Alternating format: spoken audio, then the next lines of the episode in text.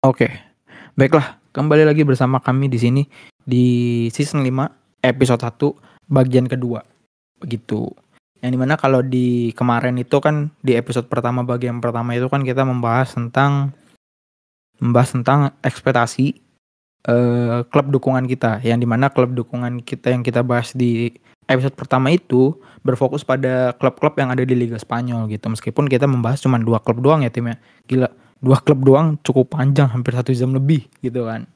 Nah kebetulan di part kedua yang ini kita akan apa ya kita membahas tentang di luar La Liga ya tim ya. Yang mungkin ini akan menjadi lebih luasnya lagi ya tim? Iya pasti betul. Jadi ya udah tanpa berlama-lama lagi nih. Tapi sebelum kita masuk ke part 2 nya langsung ke bagian ekspektasi klub ekspektasi Iya, klub-klub yang ada di musim 23 per 24 ya tim ya? Iya benar. Benar. Dan sekarang kita memulai dulu dengan pemanasan-pemanasan terlebih dahulu gitu. Biar biar nggak ada cedera, biar biar asik dulu lah suasananya gitu. Jadi mungkin dimulai dari lu dulu nih tim. Ada pemanasan apa nih? Ya, ya kalau dari gua mulai dari Manchester City yang akhirnya mendapat penggantinya Mahrez, Jeremy Doku dari apa tuh state de, de uh, dari Rennes lah 60 Rennes, juta. Ya. ya ya lumayan lah ini buat jangka panjang dan gue yakin juga ini main bisa lah 2 sampai 3 match nyetel sama gaya permainan Manchester City. Oke. Okay. Habis itu yang terakhir Aymeric Laporte akhirnya hengkang juga dari Manchester City ke Al Nassr ya lagi-lagi menambah daftar pemain Eropa yang pindah ke Arab ya ini juga emang sudah seharusnya engkang karena emang sudah ini sih udah udah mau masuk umur kepala tiga dan rentan cedera juga sih yang jadi permasalahan sehingga musim lalu juga menit bermainnya kurang sih.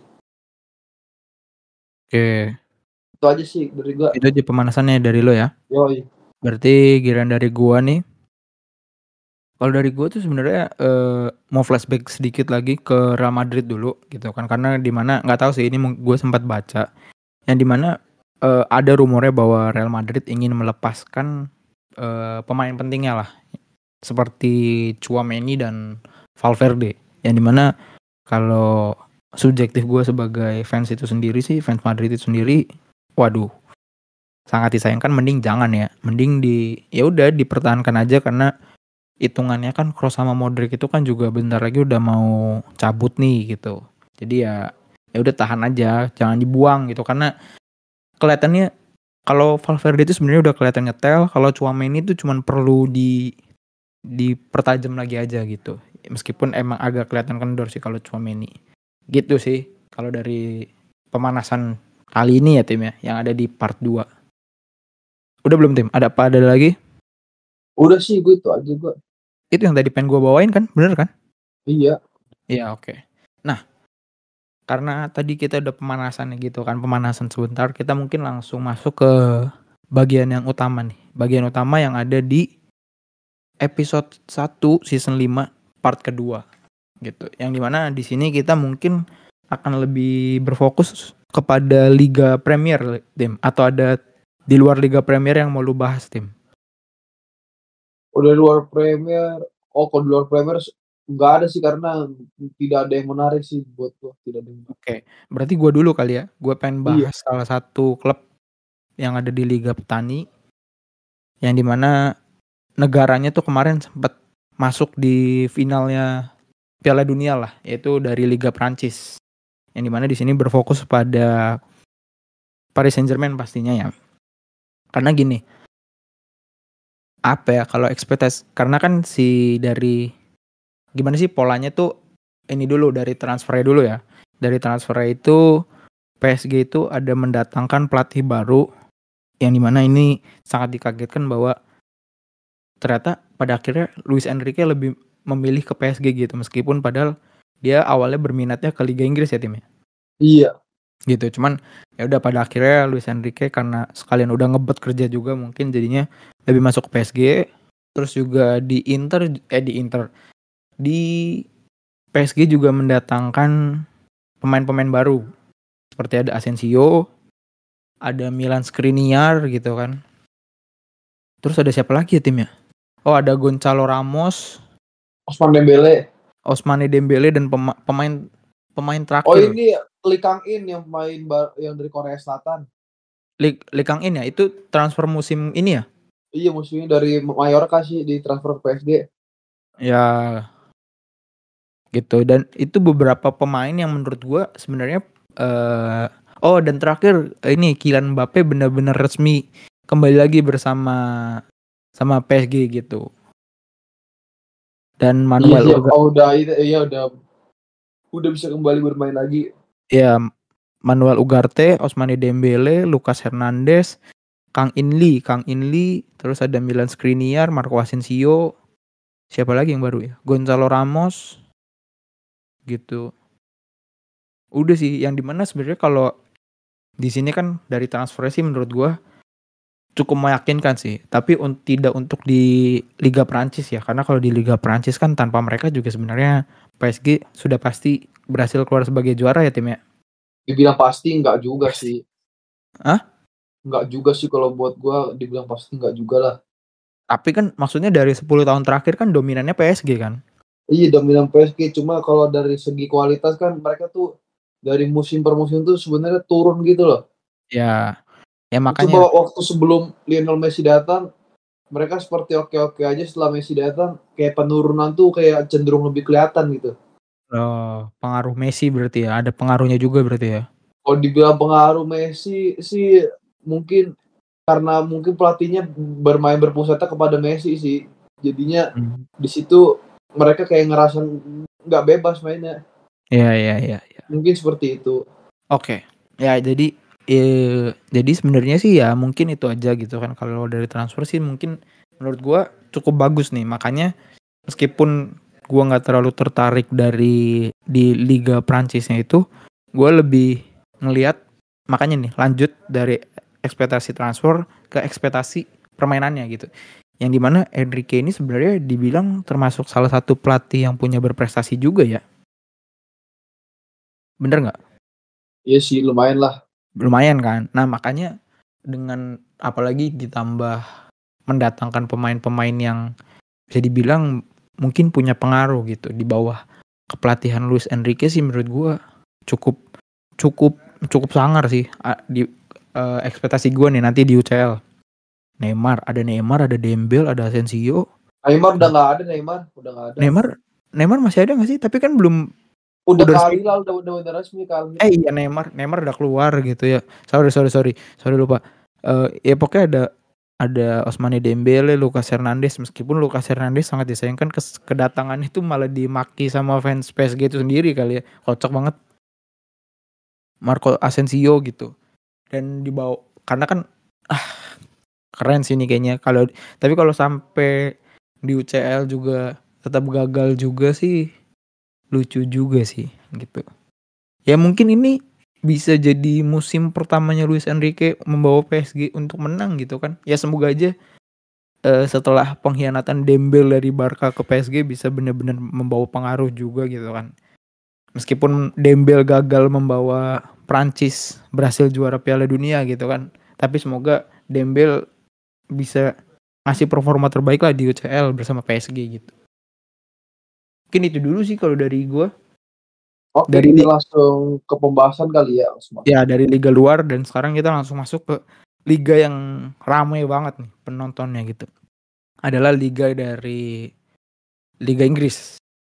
Mau dari gue dulu atau dari lu dulu tim? Ya, dari dulu dulu lah. Dari gue dulu ya. Oke. Oke dari gue. Yang di mana ini adalah udah udah nggak asing lah ya London biru yang punya julukan The Blues gitu kan. Yang di mana The Blues benar-benar berubah musim ini gitu. Kita mulai dari ekspektasi transfernya dulu. Yang di mana ekspektasi transfernya menurut gue sih. Eh jangan langsung dari gue. Dari apa yang dilakukan Chelsea selama musim transfer ini memasukkan ya. Kayak salah satunya kayak beberapa pemain yaitu Moises Caicedo, Romeo Lavia. Kalau Christopher Nkunku tuh sebenarnya udah dibeli dari musim lalu, cuman baru masuk secara resminya masuknya di musim ini ya timnya. Iya, bener. Terus ada Axel Disasi, Robert Sanchez, ada Leslie Ugo Cuku, terus juga ada Nicholas Jackson dengan Angelo. Nah, cuman kan yang menurut gua sangat disayangkan lah dari transfer apa ya dari ekspektasi transfer ini ya menurut gua Oh sama ada ini juga di sini nggak ada namanya David Raya ya David Raya yang dibeli dari Brighton juga gitu kan yang di mana Robert gua- Sanchez kalau kalau David Raya mah ke Arsenal David Raya. Iya, kok David Raya sih Robert Sanchez, Robert Sanchez. Dari Brighton kan Robert Sanchez tuh. Dem, Iya benar. dari Robert dari Brighton gitu kan. Di mana ekspektasi transfer yang menurut gua kira tuh tetap aja ya, gue masih masih se sependapat dengan statement gua di episode di musim yang lalu gitu. Bahwa ini mah sebenarnya cuman buang-buang duit doang menurut gua gitu. Karena dari ya intinya ekspektasi transfer menurut gua ini Chelsea tuh bener-bener melakukan transfer yang kurang berguna lah gitu menurut gua. Apalagi kan meskipun bukan cuman pemainnya banyak yang baru ya tapi di musim yang 23 per 24 ini Chelsea juga merekrut pelatih baru yang di mana kata sang pemilik Todd Bowley mengatakan bahwa eh, Pochettino adalah salah satu pelatih terbaik gitu. Yang di mana kalau subjektif gua sendiri kok bisa sih Pochettino dibilang sebagai pelatih terbaik gitu terbaik dari mananya gitu kan makanya menurut gua ekspektasi transfer di musim 23 per 24 ini sih ya sekedar ajang show off aja gitu. Sekedar ajang show off bahwa nih meskipun gua pemiliknya dari Amerika gue juga punya duit loh gitu tuh. Bukan cuman MU aja yang MU ya tim yang pemiliknya Amerika juga ya? Iya benar. MU bukan cuman MU aja yang bisa punya pemilik Amerika tapi nggak tapi nggak pelit gitu. Tuh ya meskipun dari ekspektasi transfer yang bisa dilihat dan dinyatakan sih ya sangat bodoh dan tidak masuk akal ya gitu gitu dulu mungkin kalau dari ekspektasi transfer gitu kan kalau dari lu nih tim ada nggak ekspektasi transfer dari Chelsea Oh, Kalau menurut lu? Chelsea ya kalau secara overall menurut gua yang bagus cuma Nicholas Jackson sama Nkunku aja sih karena kalau gua sempat highlight highlight friendly match mereka sih. Ya. Di Chelsea sih mereka tuh cepat nyetelnya terutama Hmm. Nkunku yang bisa ya kalau gua lihat orang ini bisa ngegendong Chelsea yang bisa nge nge- ngegendong Chelsea juga dan bisa juga juga pengganti Werner yang pas lah Nkunku karena emang setipe juga gaya mainnya nggak beda jauh. ya Cuma sayangnya sih dengan cederanya Nkunku ya bang nge- ngebuat daya daya lini serangnya jadi kualitasnya turun ya jadi semoga cepat pulih lah bisa kembali lagi karena Chelsea emang butuh pemain seperti Nkunku juga. ya betul, Cuma betul. yang menyedihkan dari Chelsea ini kan backnya ya kalau misalnya backnya ini menyedihkan ya setelah selepas perginya siapa sih siapa aja sih back Chelsea yang pergi musim ini? Eh, backnya Chelsea yang pergi musim ini Iya. Ada Cesar Azpilicueta, Oh ya Spilicueta, lagi? Kolibali. Iya Bali. Udah sih itu doang. Oh iya itu doang iya. Iya wa- walaupun cuma dua itu doang tapi pengaruhnya besar juga karena Pengaruhnya emang Karena- benar-benar berpengaruh ya. iya pengaruhnya besar karena senior senior paling oke selain Thiago Silva ya mereka juga selain Ya apalagi Cesar Azpilicueta lah bisa dibilang udah sepuhnya ya, lebih tua Iya. daripada bener Thiago udah, ya. udah sepuhnya banget lah udah satu dekadaan Udah paham banget gitu di Chelsea gimana gitu. Gitu. Habis itu kalau untuk ekspektasi mungkin untuk selama berjalan kompetisi Gimana ya nih? gua, Dari lu dulu. gua- ya gua tetap setuju sama lu kalau misalnya ya bi- biasa aja lah ekspektasinya Biasa aja ya. Iya bisa aja. Tapi kalau misalnya tapi kalau misalnya ada kejutan kita bukan kejutan sih lebihnya kayak ada perubahan yang lebih baik ya tetap bisa Eropa League sih kalau untuk finish peringkatnya Eropa League sih. Oh, itu dulu sih kalau gua masih balik dengan Europa League ya, Tim? iya tetap Eropa League Mm-mm, Oke, lanjut. Gimana lagi itu nih? dulu sih kalau gua tapi Itu dulu ya. Oke, kalau dari gua ya ekspektasi tran transfer kan udah tuh dengan ya menurut menurut gua dan lu secara subjektif emang agak percuma aja ya apalagi gue juga setuju dengan bahwa dengan cederanya Nkunku ya ternyata membuat makin turun lah gitu. Kalau dari lu kan membuat makin turun ya tim ya. Dari Iya segi benar itu. finishingnya juga gitu. Ya menurut gua ya ya juga benar juga bahwa dengan kepergian apa ya, bukan kepergian ya, keha- ketidakhadiran Nkunku di lapangan ya makin menurut gua makin drop lagi ekspektasinya gitu. Meskipun ya Nkunku adalah menurut gua salah satu orang yang bisa dibilang dengan keminim minimnya strategi dari Poce ini orang nih masih bisa jadi pendobrak nih gitu. Meskipun ya nggak banyak-banyak banget. Maklum lah pelatihnya kan nggak sebagus-bagus itu gitu. Yang meskipun kata pemilik dari Chelsea itu sendiri salah satu pelatih terbaik lah gitu. Gue bingung baiknya di mana gitu. Gitu. Eh terus kalau tadi Timi sudah menyinggung tentang ekspektasi dari musim 23 per 24 nya Chelsea.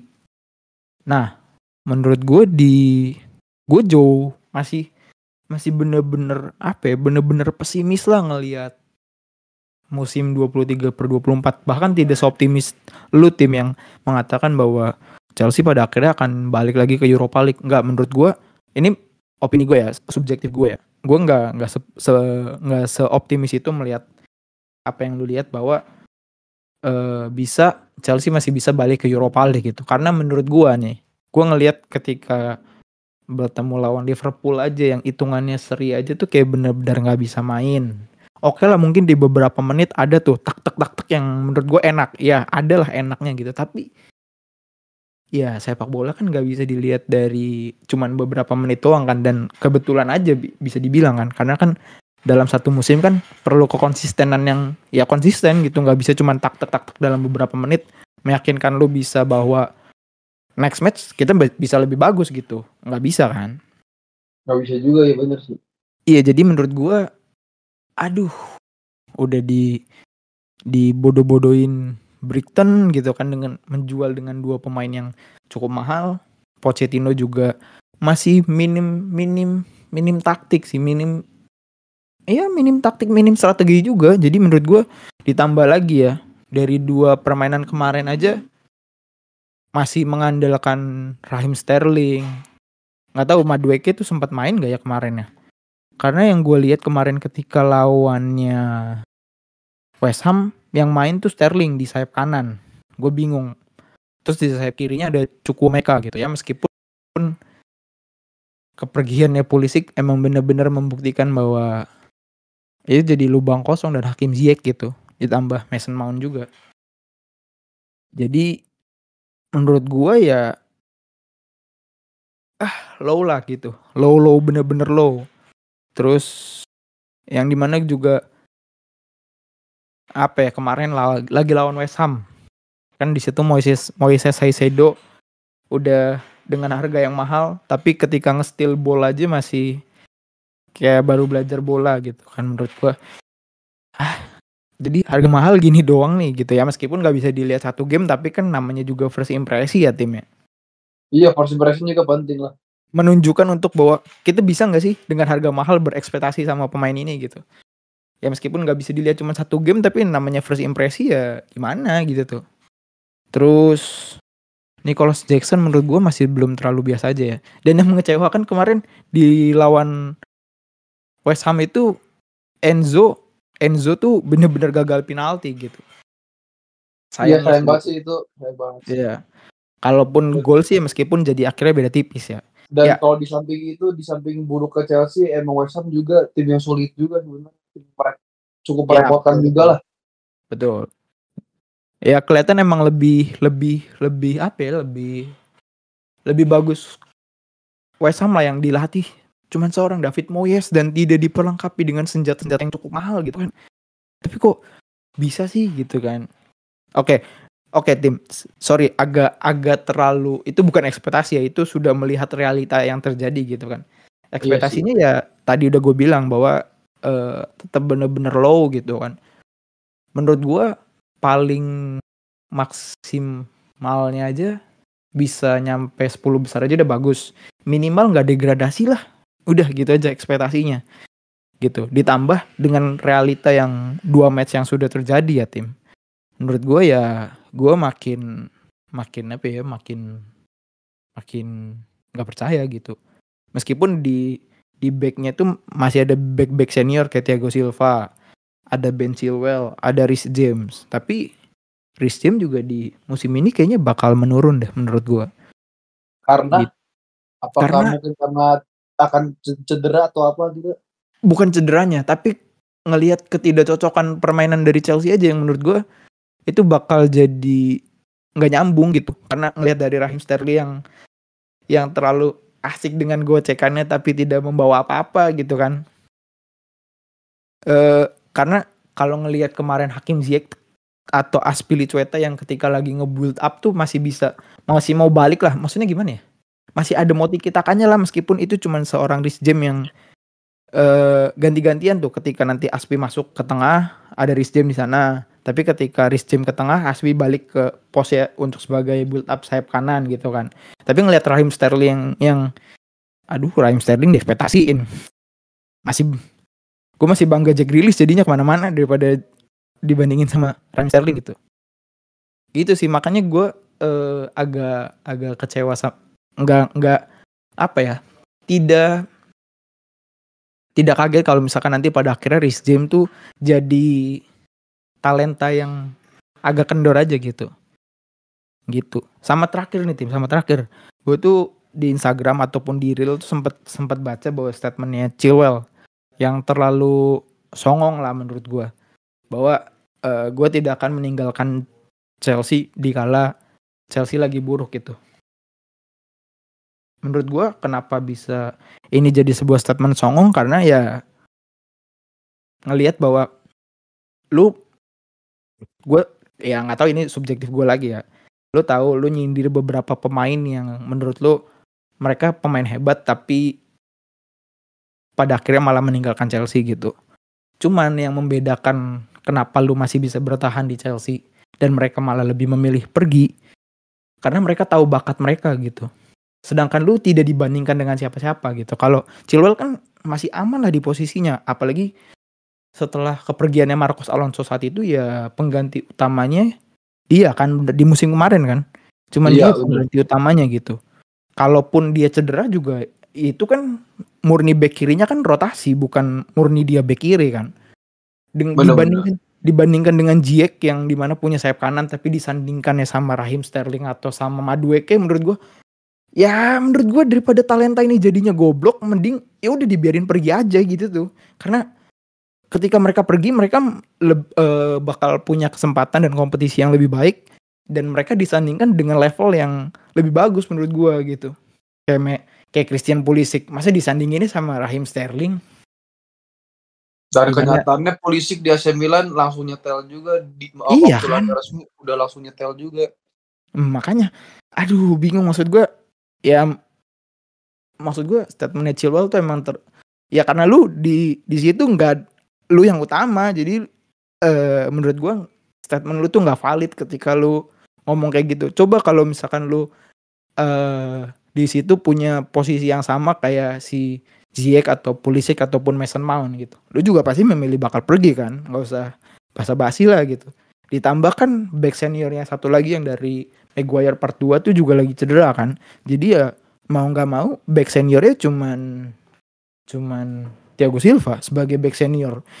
Yang di mana yang menurut gue juga Silva tuh belum terlalu bukan belum terlalu tidak bisa marah gitu maksud gue sebagai kapten yang menurut gue karena junjungan kapten gue kan Sergio Ramos tuh salah satu kapten yang bener-bener bisa ngegas lah kalau pemain itu pun salah gitu kan.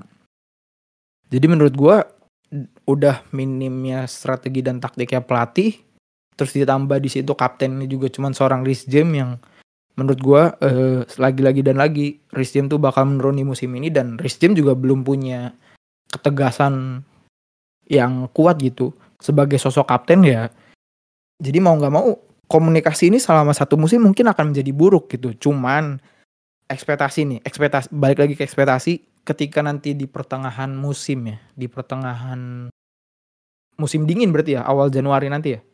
Bener. eh Pochettino banyak melakukan hasil yang negatif dan dilatih diganti dengan pelatih yang baru, ya semoga aja pelatih yang baru ini bener-bener bisa dijadiin apa ya secara logika punya prestasi yang bagus lah. Jadi ekspektasi kita juga bakal agak naik nih gitu tuh karena menurut gue ya timnya sekali terakhir nih eh mau gimana pun pemainnya ketika lu pelatih hebat lu bisa ngolah mereka gitu. Bukan dengan yang katanya lu pelatih hebat tapi kok lu malah lebih milih beli-beli gitu. Menurut gue kan nggak tahu sih ini eh subjektif gue aja gitu. Itu sih sedikit sedikit ekspektasi yang dicampurkan dengan realita apa yang telah terjadi selama dua match ini sih mungkin itu dulu. Kalau ada yang lu mau tambahin gimana? Ya mungkin udah cukup ya. Kita geser ke tim la ke tim lain lah. udah ya udah ya. Oh ya udah. Jadi mungkin itu aja dulu dari Chelsea. Kita lanjut ke tim yang ada di Inggris nih. Di dari Liga Inggris. Apa nih? Lu mau geser ke mana nih? Oke, gue geser ke Manchester United dulu ya. Kita bahas MU sekarang. oke. Oke, ya MU transfernya gua, ya cukup mengesankan sih. Ada siapa aja tuh MU tuh ada Ho- Hoylun, Hoylun, ya striker. Ya ini transferan cukup random tapi tapi menurut gue ini orang bisa diasah dengan baik lah sama Erik Ten Hag bisa lah. siapa tuh Hoylun, Hoylun dari oh yang ini, tadi Hoylund ya ya, dari Højlund. Atalanta sih kalau nggak salah. oke Mason Mount, ya Mason Mount Mm-mm. Seperti pembelian yang cukup baik. Bukan cukup baik, sangat baik sih. Dan menurut, Oke. dan menurut gua mungkin bisa ngegeser Bruno lah, bisa sih. Bisa Asalkan sayap kanan MU perform terus, sayap kanannya perform terus. bentar potong dikit tim Oke, Eh, ini nih menggeser oh eh, ini jelasin aja dulu list list eh, transfer aja dulu nanti baru sekaligus kalau udah semua Oh. baru jelasin ekspektasi dulu dari transfernya oke tadi- transfer MU itu. Oh iya Andre Onana. Heeh, Onana. tadi ada Mount eh, ada Holun ada Mount ada Onana terus Ada ada Udah sih ya. Onana, abis itu udah itu Coba- doang yang- masuk yang baru kan iya sih kayaknya itu doang ya. iya betul karena banyaknya juga banyak yang keluar kan Ih banyaknya banyak yang keluar. Kalau yang keluar siapa aja Yang keluar itu De Gea. ya udah habis Wake Forest sudah habis juga masa peminjaman. betul Sabitzer Sabitzer juga udah udah selesai pinjamannya Sabitzer. Heeh. Elanga sih, Elanga yang ke klub barunya Nottingham Forest. Iya kalau Elanga tuh ini sih mungkin karena redup sih talentnya juga redup lah. Itu walaupun redupnya nggak banget banget ya. Iya, iya. Iya kayak transfer itu aja sih MU. Oke. Tapi kalau dari ekspektasi transfernya nih tim gimana tim? Mengikuti apa yang telah terjadi gitu. Ya ini transfernya boleh dibilang cukup hemat sih. Kalau Hemat. untuk sekelas sekelas MU ini cukup hemat pak, cukup hemat sih. Maksudnya hemat dari segi apa tuh namanya? Ekonomi. bukan ekonomi perombakan squad. Perombakan. Oke. terlalu sedikit lah untuk MU karena gua rasa mereka harus nambah lagi sayap kanan karena Sancho sama Anthony ini kesannya tuh kayak nggak bisa diharapin banget. Kenapa begitu? Karena kenapa? Karena apa?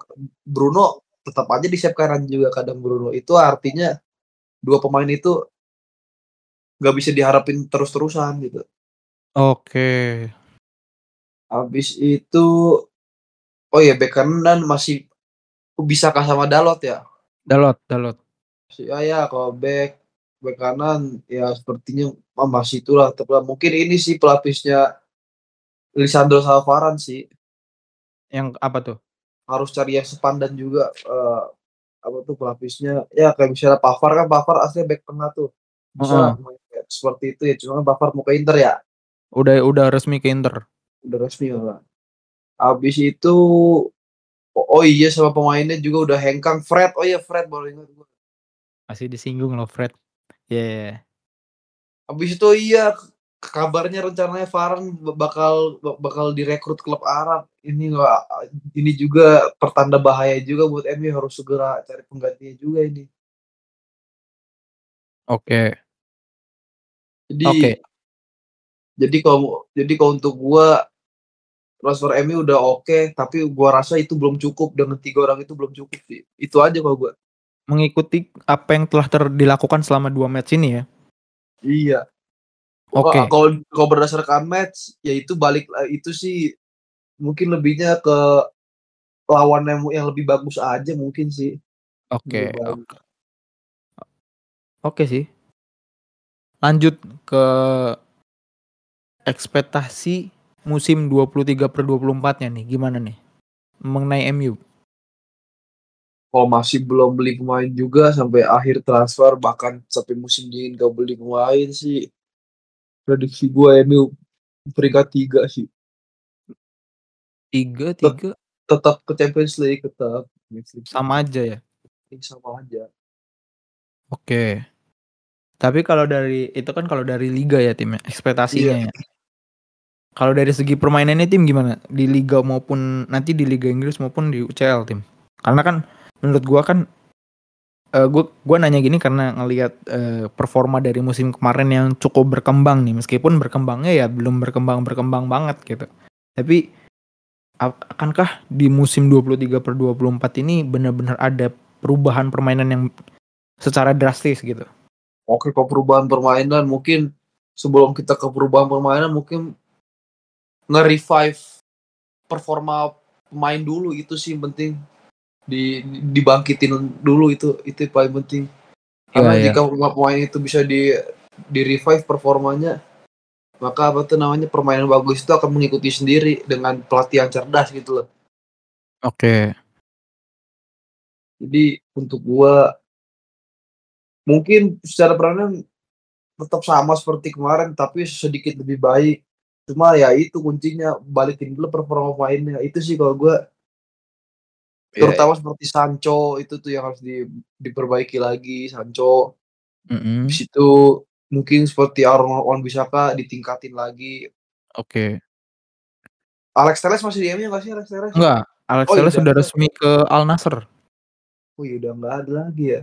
Iya, Alex Telles kan sayap eh sayap back kiri kan? Iya back kiri. Back kiri. Habis itu juga ini sih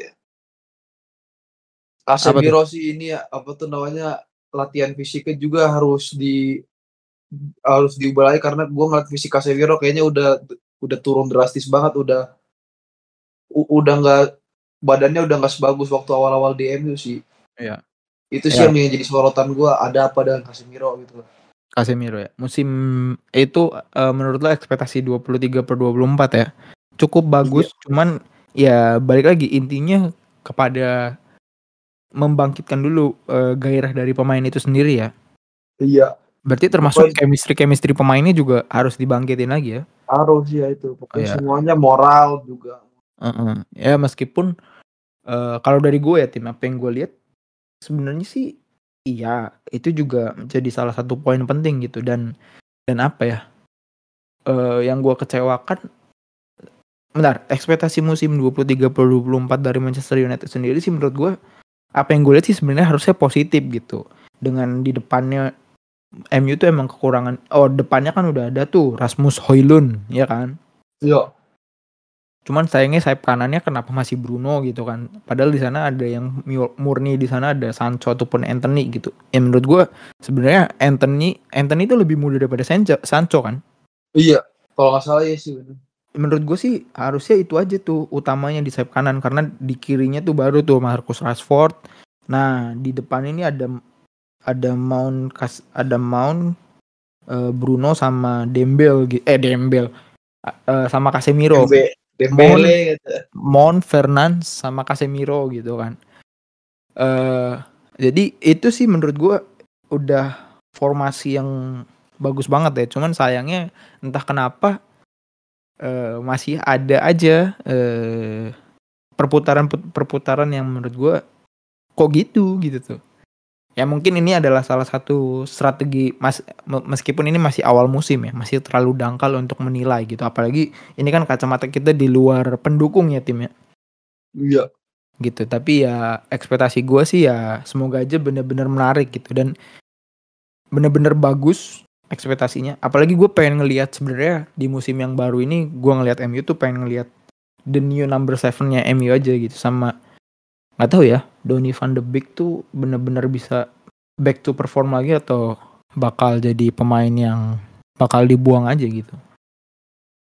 Gitu sih karena sebenarnya kayaknya kalau eh, kalau kalau dikembalikan lagi sebagai pemain sih sebenarnya untuk levelnya Fernand sih masih kalah sih. Cuman Van de Beek ini nih yang gue bingung nih. Gitu sih harusnya. Itu yang pengen gue lihat dari dari MU gitu.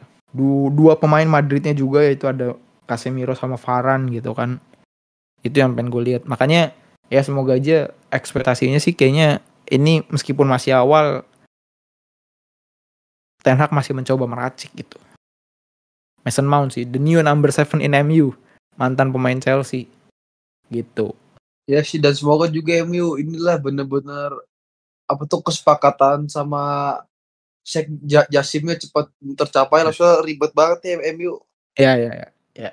Semoga Oke. M- MU jadi klub oil money juga. gitu. Betul. Jadi kalau masalah transfer nggak nggak terlalu terbatas ya timnya. Hmm, Iya. Sama Biasa. ini Tim. Au- Gimana tuh? sama terakhir nih. Ini kayaknya bakal terakhir untuk tentang ekspektasi MU ya. Karena kan namanya juga kita kan berekspektasi nih. Eh tentang kapten baru di MU yang di mana Erik ten Hag menunjuk Bruno Fernandes sebagai kapten baru gitu. Menurut lu gimana? Karena kan Itu dari musim kemarin gak sih Bruno? Eh enggak di musim kemarin. Eh musim kemarin mah ini ya tetap itu eh Bruno dari musim Fernandes kemarin gak sih? kemarin sebagai wakil pelatih eh wakil pelatih wakil kapten aja. Kalau nggak ya salah. kalau menurut gua sih kalau MU itu pemilihan kaptennya bukan berdasarkan senioritas ya siapa yang lebih lama. Jadi bebas aja gitu ya. Ini mah ya menurut gue emang maunya Ten Hag sendiri sih kalau menurut gua ya. Iya. Kalau dari lu gimana, Dre? Eh kalau dari gue sih sebenarnya gimana ya?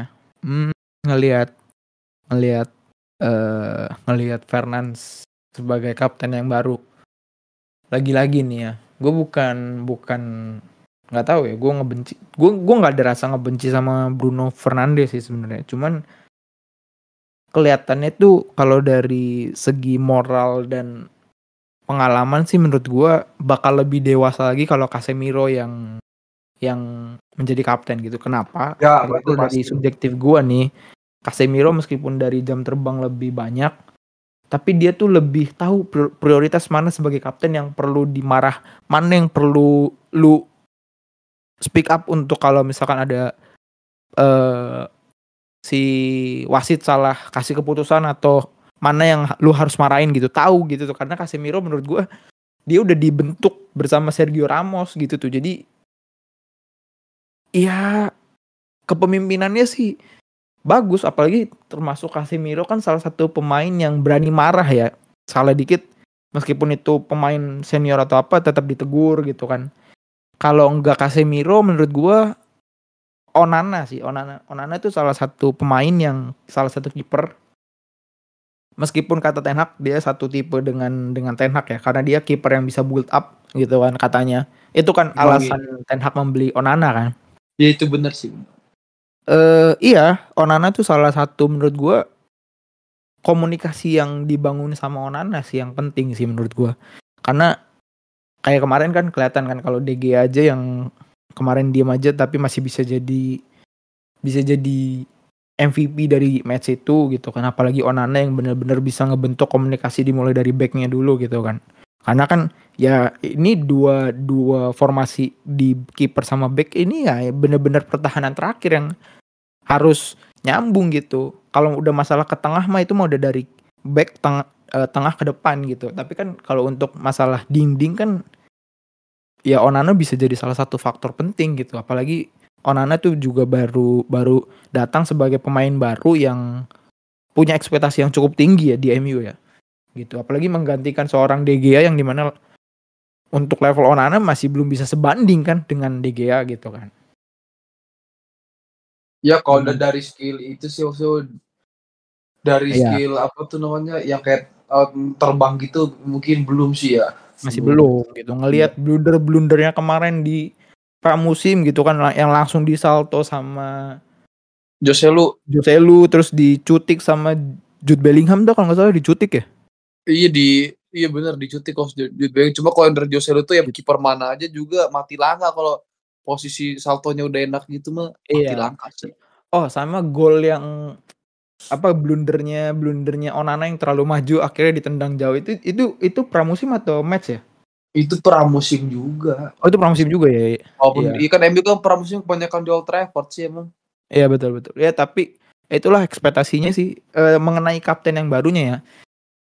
Ya karena Bruno juga termasuk masih salah satu dari segi emosi kadang suka marah-marah nggak penting gitu kan. Terus juga kayak terlalu cengeng gitu. Maksudnya dikit-dikit komentar dikit-dikit marah nggak jelas juga. Terus juga kalau ngebentuk sebagai kapten tuh harusnya lebih dewasa ketika dia punya kesempatan ataupun ngelihat peluang yang sebenarnya teman eh, dia teman dia miliki ya harusnya secara kapten dia harus lebih bisa mengayomi gitu pada akhirnya gitu kan. Tapi kan apa yang kita lihat sama Bruno Fernandes lakukan akhir-akhir ini kan kayaknya dia masih terlalu apa ya terlalu masih pengen mengagungkan namanya gitu dengan keegoisannya dia. Iya gak sih? Bisa jadi. Bisa jadi kan. Ya itu subjektif gue juga gitu. Makanya ya semoga lah dengan penunjukannya Bruno Fernandes ini masih punya hasil yang positif gitu. Gitu sih. Kalau dari MU Ya sih. ada lagi tuh. Udah, udah cukup sih itu udah cukup. Cukup ya ekspektasi Iya. tentang MU nih. Cukup Iya. gitu. Lanjut kali, lanjut, lanjut, lanjut, lanjut mau ke mana lagi tim? Gue bingung nih. Arsenal, Arsenal, Arsenal, Liverpool atau mau ke mana tim? Lanjut ke ini sih Manchester City dulu lah. Manchester City. Manchester City dulu. Mau lu dulu dari dulu dulu. Oke. Udah. Oke. Ya kita lanjut ke Manchester yang sebelah yang kemarin treble. Ya, yang treble. Cuman gagal sextuple. Iya itu bahasa sayang sekali. Oke, Ya. iya Manchester City Ekspektasi transfer eh, list transfernya dulu siapa aja? cukup sedikit sih untuk untuk klub sekaya itu ada Mateo Kovacic, Josko Gvardiol sama Jeremy Doku yang paling baru. Paling baru eh Gvar- eh, siapa? Doku Jeremy Doku. Doku, iya.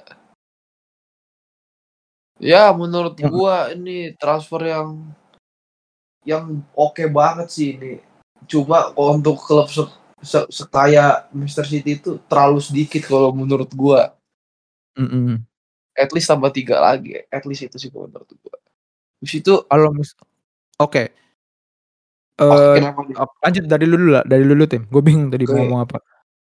Oke, kalau dari Gvardiol ya, ya mungkin bisa dibilang untuk kedalaman squad tambah oke sama mengganti idealnya Aymeric Laporte juga. Nah, secara Mm. permainan dia cukup jeli juga sih dalam ngekat-ngekat bola gitu. Jeli Ya. juga sih. Jadi jadi mu- kemungkinan besar menurut gua dengan hadirnya Gvardiol juga bisa mendam bisa memperkokoh lini belakang dan bisa dan menurut gua bisa membuat Manchester City jadi klub clean sheet paling banyak musim ini. Ya gantian lah setelah De Gea musim kemarin. Menurut gua belum lagi Ederson juga lagi oke-okenya banget sih. Dan gua rasa dia Oke. pasti bakal berusaha banget mempertahankan performanya sekarang. Itu Mateo Kovacic. Ya, kok gua selama ngeliat Manchester City main Kovacic ini belum belum terlalu menyatu banget sama lini depan City, terutama Haaland. Oke. Jadi jadi maka dari itu lini tengah City masih masih agak-agak sedikit jomplang terutama dengan apa tuh ketidakhadiran De Bruyne karena cedera juga jadi kesannya kayak Kovacic harus lebih berjuang sendiri sih di depannya Rodri. Oke. Tapi ya menurut gua cepat atau lambat dia bisa lah bisa bener-bener menyatu sepenuhnya lah. Oke. Oke kita ke Jeremy Doku transfer paling baru. Jadi ini jadi enak lah ganti-gantiannya sama Bernardo Silva sama Cole Palmer juga. Oke. Eh, bentar. Eh, berarti itu di posisi sayap kanan ya? Iya di kanan. Oke, lanjut Tim. Berarti. Jadi menurut gua mungkin Jeremy Doku masih untuk jadi super sub sih untuk beberapa musim depan super sub dulu Mhm. sih. Tapi kan juga Premier League juga terlalu banyak patch berat sih Premier League itu Oke. karena kita nggak tahu mau klubnya kalau dianggap orang sejelek apa kejutan itu ada aja. Ya, ya, ya. Tapi kalau ekspektasi gua untuk berjalannya musim ini Manchester City kembali juara Premier lagi sih. Dulu. Double Manchester winner sih malah ini? double double winner sih gua malah apa tuh FA Cup sama Premier League sih. Kalau firasat gua itu karena jika nanti Manchester City quintuple pasti menangnya ter- dua dua trofi. Ya ini sebenarnya gua ngikutin budaya treble-nya Barca sama Munchen aja kalau di mana mereka di mana mereka quintuple nanti akhir musimnya double winner. Di mana mereka sextuple cuma juara liga aja itu sih. Lebihnya Oh, ngikutin budaya budaya dua klub itu aja apalagi mereka juga seperti oh, apalagi Munchen juga seperti itu pas sama Pep juga. Oke, patternnya udah ada berarti ya? Iya, pattern sih gitu, pattern. Udah itu dulu sih kalau gua. Itu dulu ya kalau dari lu ya? Iya. Oke, gue mau nambahin dari list transfer berarti ya. Karena list transfer tadi kan yang dari tim sebut lu ma- sebutkan kan masih dari yang masuk ya tim. Yang Iya, di mana kalau yang dari keluar itu ada Ilkay Gundogan. Eh, terus juga ini salah satu pemain penting sih dari musim kemarin juga. Cuman sayangnya dia lebih memilih pergi ke Barcelona gitu kan. Terus ada Riyad Mahrez juga yang pada akhirnya lebih memilih pergi juga ke Arab lagi lagi dan lagi gitu kan. Ini adalah beberapa setelah beberapa nama yang melanjut eh, setelah beberapa nama pemain Eropa yang pada akhirnya memutuskan untuk pindah ke Arab gitu. Dan pada akhirnya di sini di sini sih gue lihat ya sumbernya dari bola.net ada nama Benjamin Mendy yang pada akhirnya ke FC Lorient. Emang Benjamin Mendy udah udah cabut dari putusan hakim. Udah dia dinyatakan tidak bersalah dan ini emang dia tuh murni di penjara karena tuduhan yang gak masuk akal aja sih. Padahal dia ini pemain bagus loh sebenarnya loh. Iya, sa- sayangnya karirnya ngedrop cuman gara-gara tuduhan fitnah-fitnah yang ini aja. ya. Jadinya Iya sih. akhirnya lebih memilih itu gitu. Ya, kalau dari gua eh, kalau dari gua sih ekspektasi dari transfer ini ya sebenarnya karena kan apa yang tadi Timi bilang kan pada akhirnya eh, mengarahkan pada realita yang sudah terjadi juga gitu. Jadi kalau dari gua sebenarnya ekspektasinya sih untuk City ya sebenarnya pak eh, polanya bakal sama. Di awal musim tuh bakal kelihatan ngedown dulu, kelihatan kan kayak dari kemarin di UEFA Super Cup. Terus juga Iya, perebutan benar, benar. piala apa tuh?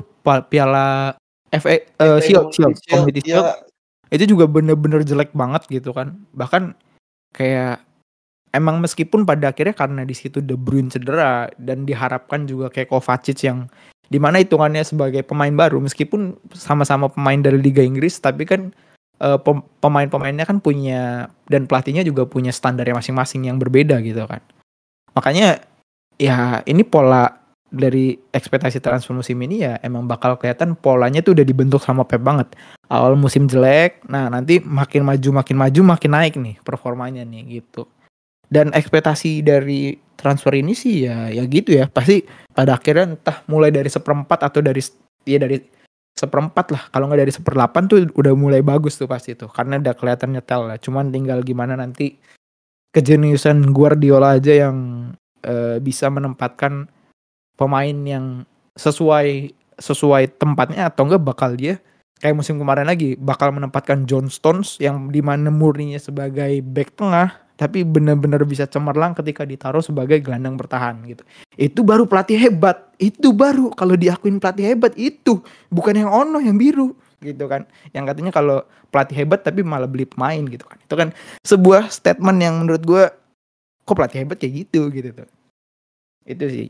Untuk City sih singkat aja makanya ketika ini sekaligus berarti kayaknya dari langsung ke ekspektasi musim 23 per 24 ya timnya dari City ya. Iya.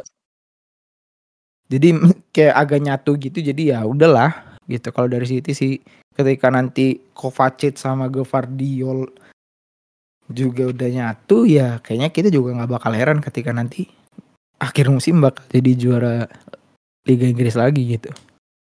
Belum lagi Phil Foden yang ya semoga Phil Foden benar-benar bisa membangkitkan persaingan antara, antara Jack Grealish lagi ya. Jangan sampai Phil Foden disamakan sama levelnya Sterling lagi lah. Kayaknya nggak masuk akal sih kalau itu. Gitu. Tapi kalau Foden itu sih kadang dia main di belakang striker juga kan dia punya Iya. bisa dua bisa main dua peran sebagai sayap maupun sebagai gelandang. Tapi Ya, mungkin makanya. dengan ketidakhadiran De Bruyne waktu bermain Julian Alvarez lebih banyak. Jadi Alvarez tuh main di belakang Haaland, disokong sama Kovacic Mm-mm. tuh. Ya gitu Itu sih. sih. Jadi ya semoga semoga Kita lihat Alvarez aja City akan sejauh apa gitu berkembang. Iya. Dan Alvarez gue rasa perkembangannya akan jauh lebih baik lagi sih musim ini. Dan ketika nanti karena tadi kan kita ekspektasi eh, dari list transfer ke ekspektasi transfer terus tiba-tiba langsung masuk ke ekspektasi tentang musim 23 per 24 yang di yang langsung diikuti dengan realita yang terjadi setelah dua match gitu. Eh jadi ya untuk Man City sih ya nggak perlu khawatir lah kita sama Manchester City akhir-akhir ini juga dengan dominasi 6 liga eh 6 liga Inggris berturut-turut gak sih tim? Enggak ya? Ya udah hat trick, udah hat trick League. Iya udah hat trick tuh kan. Jadi ya untuk Man City sih ya nggak perlu ekspektasi yang gimana-gimana lah gitu. Dan ini tim sedikit potongan gue lupa tadi pengen bawain di berita juga sebenarnya di pemanasan bahwa karena tadi kan kita sempat membahas tentang salah satu pemain yang difitnah yang harus sempat berakhir di penjara gitu kan yaitu Benjamin Mendy. Yang di mana di situ tadinya salah satu mantan pemain dari Manchester City. Di Iya, Manchester iya. United juga sempat punya eh, pemain yang karirnya sempat harus dipenjara dulu gitu yaitu Mason Greenwood. Yang di mana pada akhirnya di menit-menit terakhirnya Mason Greenwood memutuskan untuk benar-benar pergi gitu. Aduh ya meskipun Ya, emang melihat eh, persaingan antar Anthony dan Jadon Sancho aja yang masih belum bener-bener efektif dan efisien ya meskipun emang keputusan paling beratnya kan karena moralnya ya masalah Moral sih. moral yang dilihat kok pemain ini masih dipercaya gitu jadi pada akhirnya secara tulus hati Greenwood benar-benar pergi dan semoga aja ya Greenwood lagi-lagi balik lagi gitu. Dan kalau misalkan pada akhirnya nanti bisa on perform lagi dan fans MU percaya lagi ya itu mah keputusan dia sendiri lah yang gue bingung gitu. Tapi ya ya itu big best aja buat eh, berharap yang terbaik buat Mason Greenwood gitu. Tekanannya ketika nanti dia ketika dia bisa berdiri lebih kuat lagi itu yang baru ngebentuk mental dia untuk bisa bersaing lagi sih gitu gitu dulu Tapi kalau tapi kalau kembali ke MU sepertinya enggak sih. Kalau enggak enggak enggak enggak mungkin karena ya cuman waktu yang bisa menunjukkan lah ketika dia benar benar bisa on perform lagi ketik ya semoga aja fans MU berharap lagi gitu tapi ya itu kan masalah bisa dibilang ya masalah keputusan dari klub itu sendiri ya Iya sih bener tuh. gitu. Apalagi nih? Berarti tadi si tadi udah ada Chelsea di pertama. Kita lanjut tadi ada Manchester yang merah dulu ya, yang katanya mau tsunami trophy tapi malah jadinya eh itu musim kemarin. Sumeren. Ya, tapi Manchester United kedua, ketiga ada Manchester City dan lanjut mungkin gue dulu kali ya. Gue lagi balik lagi. Aduh, gue mau lanjut ke tim. Tim yang di mana ini tim balik lagi ke London. London berwarna merah yang di mana di musim kemarin sempat menjaga trof jodoh jodoh trofi orang gitu, menjaga trofi Eh, orang lah gitu. Iya, itu ad- adalah Arsenal. Yang di mana Arsenal masih di bawah dengan pelatih yang sama di musim kemarin, yaitu Mikel Arteta ya. Di mana Arsenal musim 23 per 24 list transfernya itu ada Kai Havertz dari Chelsea, Jurien Timber dari Ajax Amsterdam, ada Declan Rice dan paling barunya itu ada David Raya dari Brentford. David Raya tuh hitungannya masih muda banget juga ya? Banget sih enggak dia tuh umurnya tuh Oh, ya 27 25 26 sih. Jadi udah 27. ya ya ya 27 sih. 27. Dari apa ya? Dari kalau dari gua ekspektasi dari transfer ini sih sebenarnya lebih mengarah kepada ini bakal jadi efek semoga makin efektif lagi sih. Gitu. Karena meng- kalau dari musim kemarin coach ini masih dari sumber coach ya. Coach mengatakan masih ada minus-minus ya gitu. Jadi positifnya sebenarnya meskipun positifnya bagus tapi masih ada minus yang besar juga nih. Masih masih sama lah hitungannya gitu tuh yang dilakukan Arteta gitu. Katanya sih masih belum terlalu maksimal juga.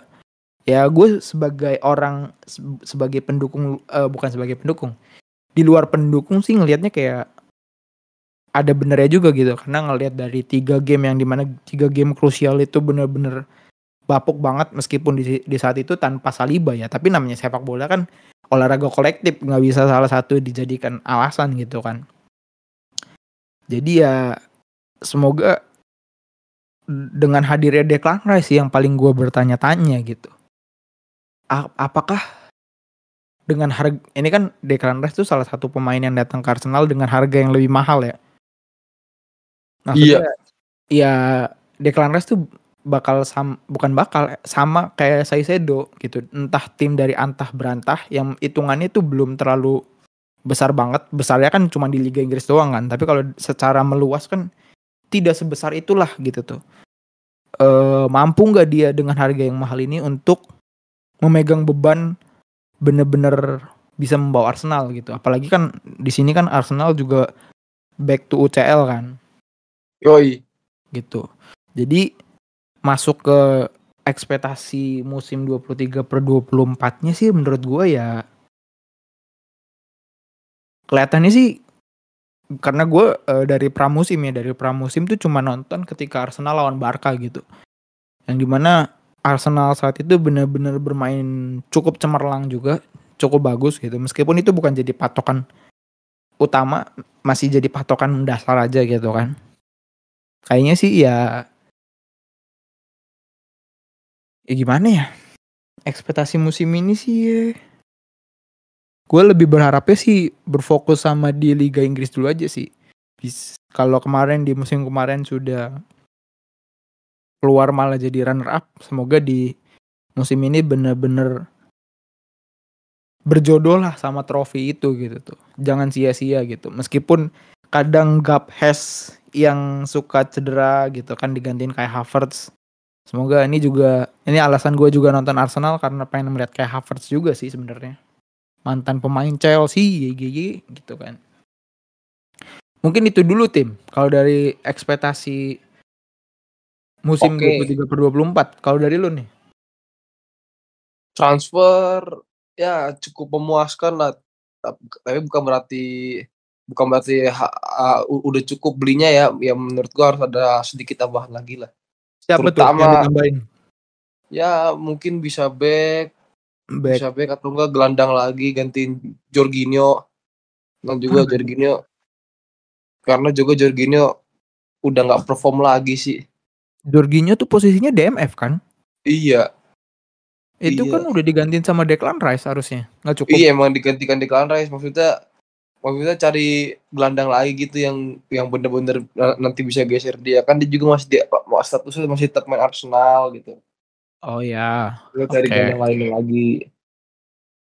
Jadi transfernya cukup memuaskan. Jadi jadi kalau untuk main seperti mereka untuk bersaing di Premier itu bisa banget.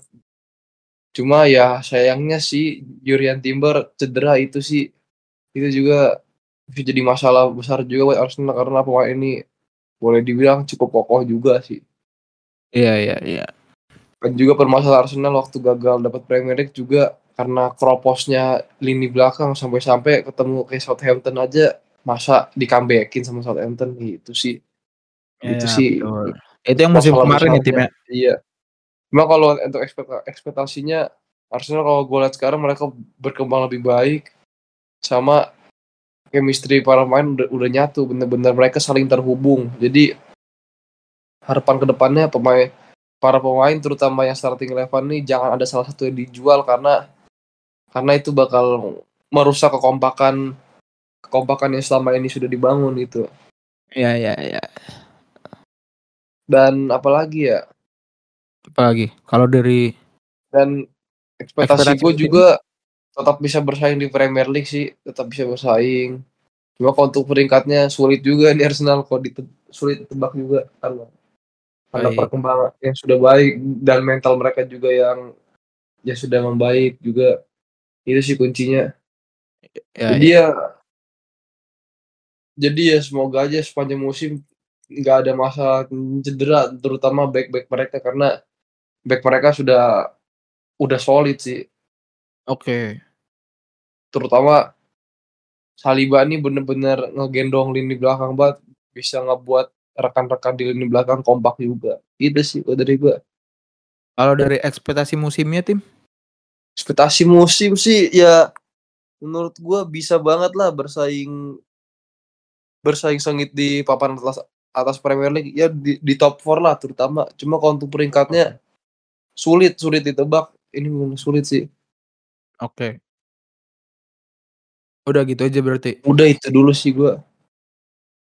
Oke lanjut uh, lu ada lagi nggak yang mau lu bahas atau gua lagi nih gua ada sih yang pengen gua bahas sebenarnya ini lebih jatuhnya sebelum ke bos yang terakhir nih menurut gua gua pengen honorable, honorable mention dulu yaitu salah satu dari Big Six juga yang tapi kayaknya hitungannya kalau ibaratnya Six Six tuh Big Six tuh ini rankingnya paling bawah lah Tottenham Hotspur gitu. Oke, okay, uh, apa nih yang dibahas? Dari dari transfernya sih gue kira uh, dengan masuknya James Madison juga cuman bakal percuma gitu kan. Dari ini dari nam, banyak nama, cuman Dejan Kulusevski yang gue tahu juga itu kan dari Juventus tuh yang masih masih performanya masih bagus lah gitu. Cuman karena kemarin masih belum jelas pelatihnya juga jadi ikut jelek juga. Terus ada Google Google Ilmo Vicarlo, James Madison, Manner Solomon, Mickey van de Ven, Aleo Aleo Felis sama Ashley Phillips.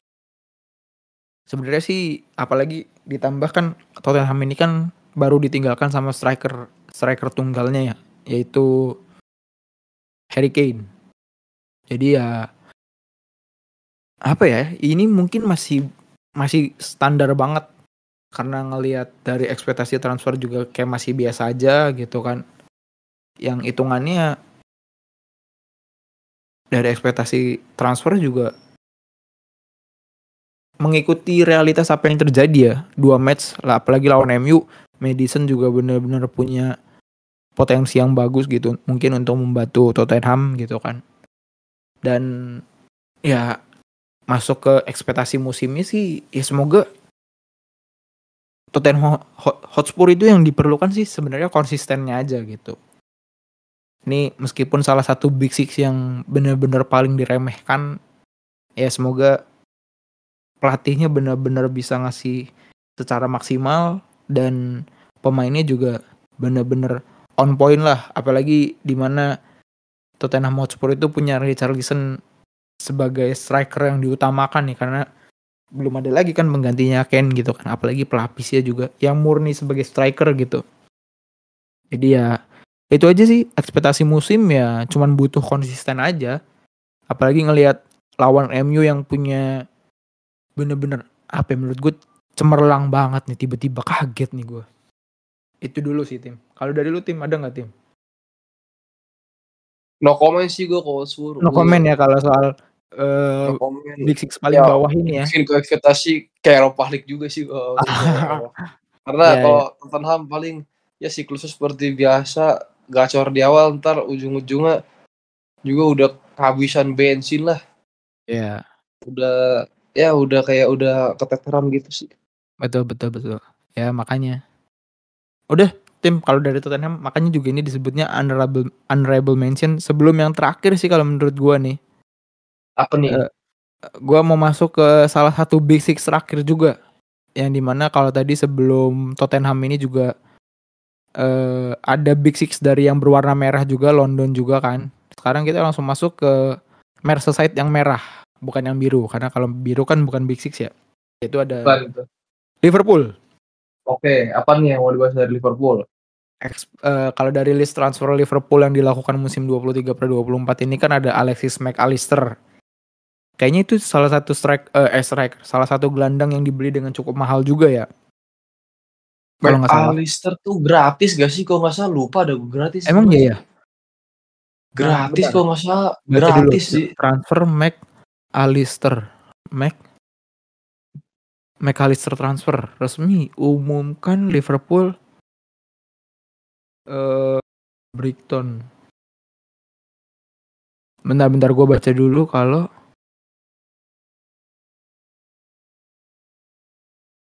McAllister, hah?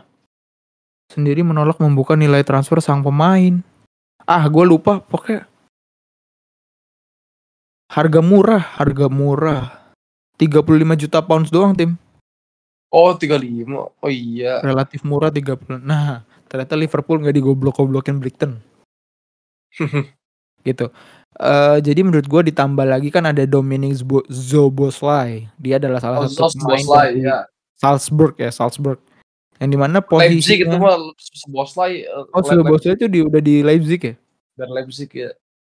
Yang di mana kalau dari Mereka tuh udah tiga gelandang sih Liverpool. gelandang juga Iya. kan transfernya Liverpool tuh Hmm.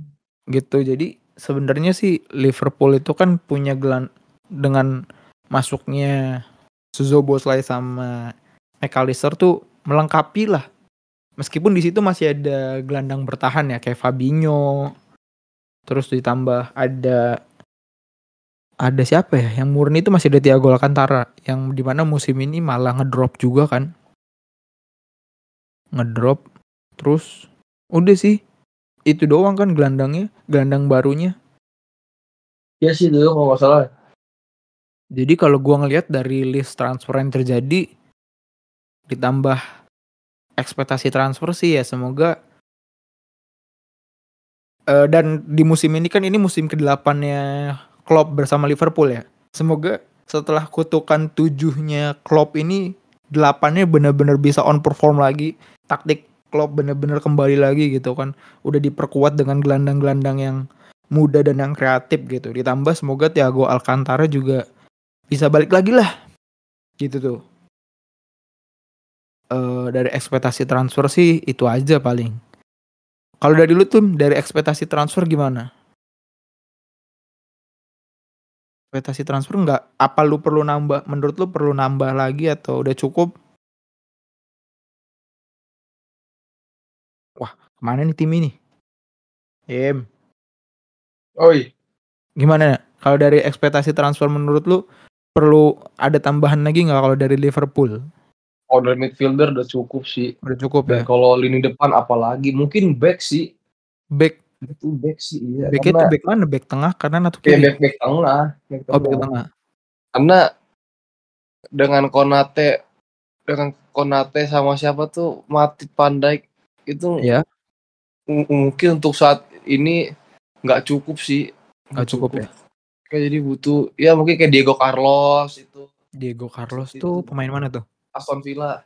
oh Aston Villa terus Diego Carlos ya pokoknya intinya back back yang yang gempal gitulah yang dibutuhkan. Empal. Iya ya. Oke. Berarti masuk ke ekspektasi musim sih. Sebenarnya kalau dari gue ya tim ya, balik lagi ke gue, ekspektasi musim ini ya tadi kayak tadi sebenarnya. Bisa balik lagi performa Klopp sebagai pelatih gitu kan. Balik cerdas lagi tiba-tiba eh, bisa ngebangkitin Liverpool lagi gitu kan. Untuk membangkitkan persaingan dari perebutan tahta dari Liga Inggris gitu kan karena kayaknya bosen juga yang lihat City yang padahal di awalnya musim di awal musim jelek tapi tiba-tiba bisa bagus gitu kan. Bener-bener memanfaatkan kejelekan dari Arsenal di musim kemarin gitu kan. Terus ekspektasi musim ini sih ya pelan-pelan berkembang lagi. Tetap ngasih perlawanan lagi ke MU mungkin kayak bisa lebih dari 7-0 14-0 mungkin kan. Buset dah. jauh iya. banget ya. Eh dan berharap sih Konate bener-bener ini waktunya Konate di musim ini bisa bersinar ya jangan terlalu berharap sama Van Dijk lagi yang udah jatuh kayaknya kalau Van Dijk ya Iya Terus- sih udah bener jauh lah. Terus Zoboslai Zoboslai itu kan kayaknya jatuhnya tuh ke gelandang tengah ya, gelandang center center midfielder. Alisson juga saya uh, central midfielder juga ditambah Thiago yang benar-benar menurut gua mereka nih yang bisa ngebangkitin lagi nih, membangkitkan permainannya Mo Salah, Cody Gakpo dan Darwin Nunes sih. Bisa jadi sumbernya lah untuk bagaimana mengatur lini permainan gitu. Dan ya gue dari fans Madrid itu sendiri berharap semoga ketika nanti bertemu Real Madrid lagi bisa pengen lah ngeliat Liverpool bisa ngalahin Madrid gitu. Kalau mampu. Itu mungkin ekspektasi musim 23 per 24 ya dari gue mengenai Liverpool. Kalau dari lu tim? Oke, kalau dari gua mungkin mungkin mereka masih akan kesulitan menghadapi beberapa tim Big Six sih. Siapa tuh? Kayak siapa contohnya?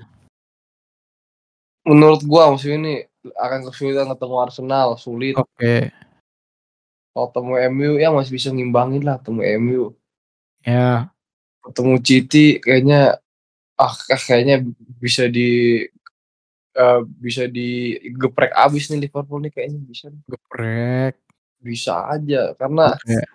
karena emang dari segi permainan sepertinya mengalami penurunan yang cukup jauh sehingga Klopp juga agak-agak keteteran juga mau mengembalikannya lagi keteteran juga karena mungkin sistemnya Klopp udah ada antitesisnya sih yeah, di yeah. Premier League juga sepertinya sudah ada dan dan salah satunya menurut gua Arsenal paling bisa ampuh untuk ngatasin Liverpool sekarang Arsenal karena dengan solidnya mereka dengan perkembangan mereka yang sudah lebih baik itu sih jadi jadi jadi apa tuh Arsenal bisa jadi ancaman yang serius juga sih untuk Liverpool. Okay. Jadi kalau untuk gua ekspektasi musim sulit juga sih sulit tapi tapi kalau untuk finish peringkat ya gue sih ngomong kemungkinan pahitnya sih lima sih. Jadi kayak Eropa lagi sih. Lima sih. Ini ngomongin kemungkinan pahitnya aja. Iya iya iya. Itu dengan catatan jika jika MU ini ya jika MU performanya nggak jelek ya. Mm, oke. Okay. iya. Kalau M itu kalau bisa bisa bisa kalau MU nya jelek ya mungkin tempat MU digantikan Liverpool gitu oke okay. itu sih kalau gue oke okay. udah sih mungkin kalau dari gue tentang Liverpool atau ada ini berarti lanjut ke tim yang lain lagi ya? Ada yang mau lu bahas lagi tim atau udah? Udah nggak ada sih, udah nggak ada. ada ya. Oke. Okay. Berarti mungkin itu adalah akhir dari episode pertama di part kedua